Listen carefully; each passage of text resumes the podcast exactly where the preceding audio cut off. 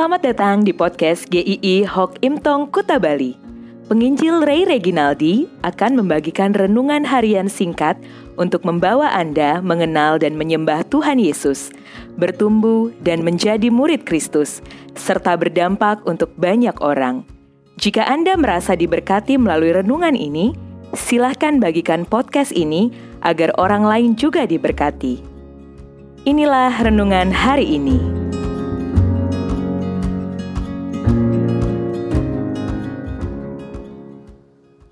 Kekaguman pada Allah. Mazmur 48 ayat yang ke-15. Sesungguhnya inilah Allah.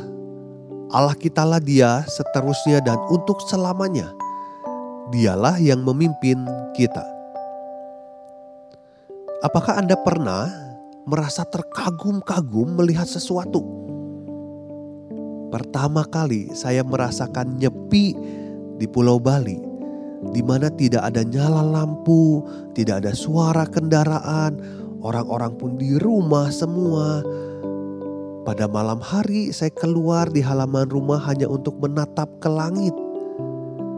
Di tengah kegelapan yang pekat, tampak begitu banyak bintang yang indah dan bertaburan dan bercahaya di langit. Langit itu begitu ramai sekali dengan bintang-bintang. Saya betul-betul kagum menikmati keindahan langit di malam itu. Saya sering menceritakan pengalaman itu kepada orang yang belum pernah mengalaminya. Kekaguman kita akan sesuatu atau seseorang biasanya akan membawa kita pada kenangan yang luar biasa. Keinginan untuk menceritakan terus-menerus. Mazmur 48 adalah bagaimana pemazmur mengagumi Tuhan yang disembahnya dengan pujian. Ketika dia menceritakan tentang Sion, tempat kehadiran Tuhan. Kemudian di ayat 10 dikatakan, kami mengingat ya Allah kasih setiamu di dalam baitmu. Bersama Tuhan mereka menikmati kasih setia Tuhan. Seperti apa sih yang diceritakan di Mazmur ini? Tuhan yang kudus, Tuhan yang besar, Tuhan yang tak tertandingi, Tuhan yang kokoh begitu banyak dia menceritakan kekagumannya pada Tuhan. Kekaguman pada Tuhan membawa kita pada sukacita. Karena betapa besar akan Allah yang kita sembah. Dia sungguh luar biasa. Kata-kata yang kita ucapkan, yang kita rangkai, dengan indah tidak pernah cukup untuk mengungkapkan betapa besarnya Tuhan itu. Sukacita juga ketika kita mengingat kita tadinya seteru musuh dengan Tuhan. Tapi ditebus dan menjadi anaknya. Itulah yang pertama kekaguman seharusnya membawa sukacita. Yang kedua kekaguman pada Tuhan itu membawa kita pada ketenangan Tuhan yang kita sembah adalah Tuhan yang tidak tergoyahkan oleh apa pun.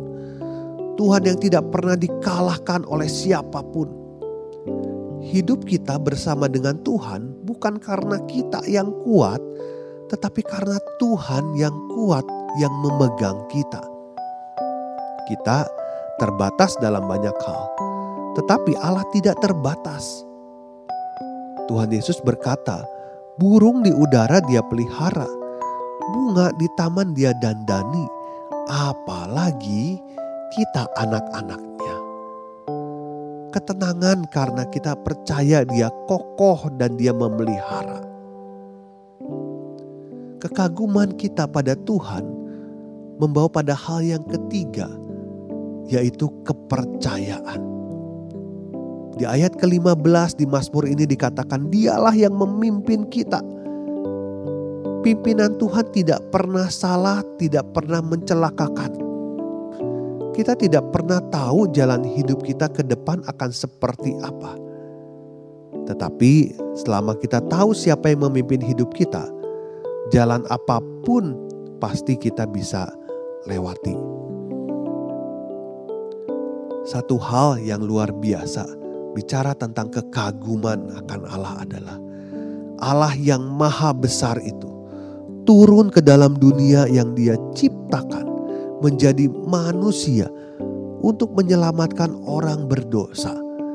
Allah turun tangan karena tidak ada satu manusia pun yang bisa menyelesaikan masalah dosanya. Bahkan ketika kita bisa percaya kepada Tuhan Yesus, itu juga karena karyanya, karena anugerahnya. Semuanya itu membawa orang yang percaya kepada Tuhan Yesus pada sukacita, ketenangan, dan kepercayaan. Mari kita ubah cara pandang kita. Mungkin selama ini kita tidak pernah memandang pada Tuhan. Hidup kita hanya diliputi dengan pergumulan, melihat permasalahan yang begitu besar, kegentaran, ketakutan, itu bisa terjadi karena kita hanya melihat segala sesuatu dan membandingkan dengan diri kita. Tetapi pandanglah pada Allah. Kemudian lihatlah semuanya itu. Maka respon kita terhadap semua kesulitan pasti berubah. Kekaguman akan Allah akan membawa pada sukacita, ketenangan, dan kepercayaan. Amin.